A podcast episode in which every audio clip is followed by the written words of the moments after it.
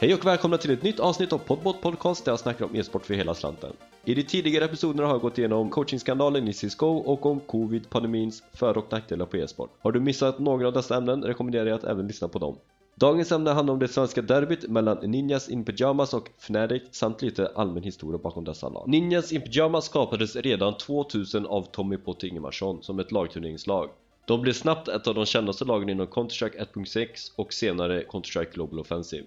Ninjas in Pyjamas har alltid haft enorma talanger i laget och med Potti samt Hiton i spetsen vann de snabbt hjärtat hos CS-fansen. NIP tävlade till och från i CS fram till 2007 då NIP-organisationen upplöstes. Men de kom åter på banan igen 2012 då de släppte en CSGO-lineup. Med sig hade de Patrik Forrest Lindberg, Kristoffer Gatright Alesund, Rickard Exist Landström, Adam Friberg Friberg och Robin Fifflaren Johansson.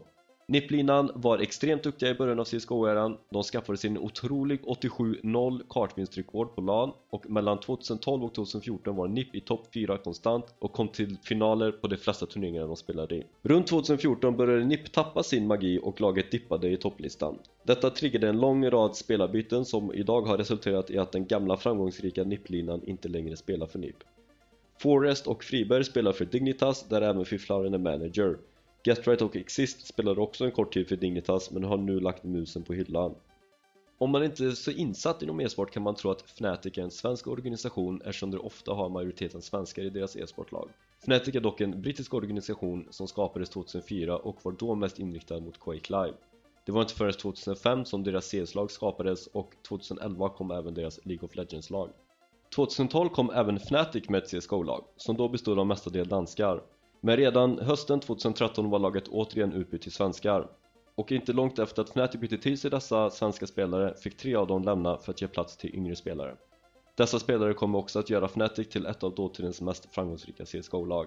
I laget fanns Jesper J.V. Wexell, Robin Flasha Rundqvist, Marcus Pronax Wahlsten, Olof Olofmeister Kajbjer och Freddy Krims Johansson. Fnatic var det mest konsistent bästa laget 2014-2016. Mycket tack vare lagkaptenen Pronax förmåga att läsa motståndarens taktiker, men också tack vare det talangfulla laget, där Olofmeister speciellt var en riktigt farlig spelare. På senare år har dock Fnatic trillat av toppen lite, detta på grund av att Olof Meister fick en skada och flera spelarbyten samt dålig motivation i laget. Med tanke på hur stora spelare båda lagen haft under sin tid har det alltid varit roligt att se lagen möta varandra. Det var ju mycket skämt och upphetsning mellan lagen och med tanke på Nips stora framgång i CSGO blev rivaliteten mycket högre när Fnatic också tog sig till toppen av listan. För i CS 1.6 var rivaliteten inte lika hög. Det var ju dels för att lagen inte mötte varandra så pass mycket som de gör i CSGO och personligheten hos spelarna var mer mogna. Rivaliteten i CSGO däremot har sett som den största inom e-sporten och jämförs ofta som CS-scenens El Clasico. Det beror mycket på att NIP dominerade scenen i början av CSGO där Fnatic knappt vann några matcher mot NIP och det var inte förrän 2014 när Fnatic bytte ut tre av sina spelare som rivaliteten ökade. Det var nämligen då som Fnatic började vinna allt de rörde. Fnatics självförtroende sköt också i toppen under tiden och det bidrog till att trashtalket mellan lagen eskalerade vilket i sin tur också ökade rivaliteten.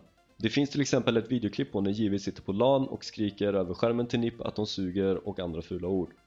Under tiden som båda lagen var som bäst möttes NIP och Fnatic tre gånger i majorfinalerna och Fnatic tog hem två av dessa vinster. I övriga matcher såg man också ett mönster där Fnatic dominerade i princip alla matcher mot NIP. Det går så långt att man nästan antar att Fnatic faktiskt vinner matchen innan den ens börjar. Efter att NIP vann mot Fnatic i majorfinalen lämnar Fifflaren NIP och ersätts då av olika spelare som inte riktigt passar in och utan en stark femma är NIP chanslösa i den talangfulla scenen så NIP hamnar i en slump och presterar sämre och sämre för varje år. Och i början av 2016 då Fnatic åkte på en spelarskada som resulterade i att även de pre började prestera sämre och sämre tonas också rivaliteten ner. Varken NIP eller Fnatic har återhämtat sig fullt efter de episka framgångarna som båda lagen hade. Rivaliteten finns kvar idag, mest hos oss fans, men den är inte lika hypad som de en gång var. Med tanke på att båda lagen har gjort spelarbyten där NIP till och med har bytt ut hela laget så kommer vi förmodligen aldrig se en sån stor rivalitet som fanns då. Vilket är synd då både jag och resten av CS-scenen saknar den typen av matcher där båda lagen har en historia bakom sig som gör matchen till något litet extra. Det var allt för den här gången och jag tackar så mycket för mig. Nästa vecka tänkte jag gå igenom händelseförloppet till hur svenska Alliance vann den största Dota 2-turneringen och kammade hem över 9 miljoner kronor. Vi syns då!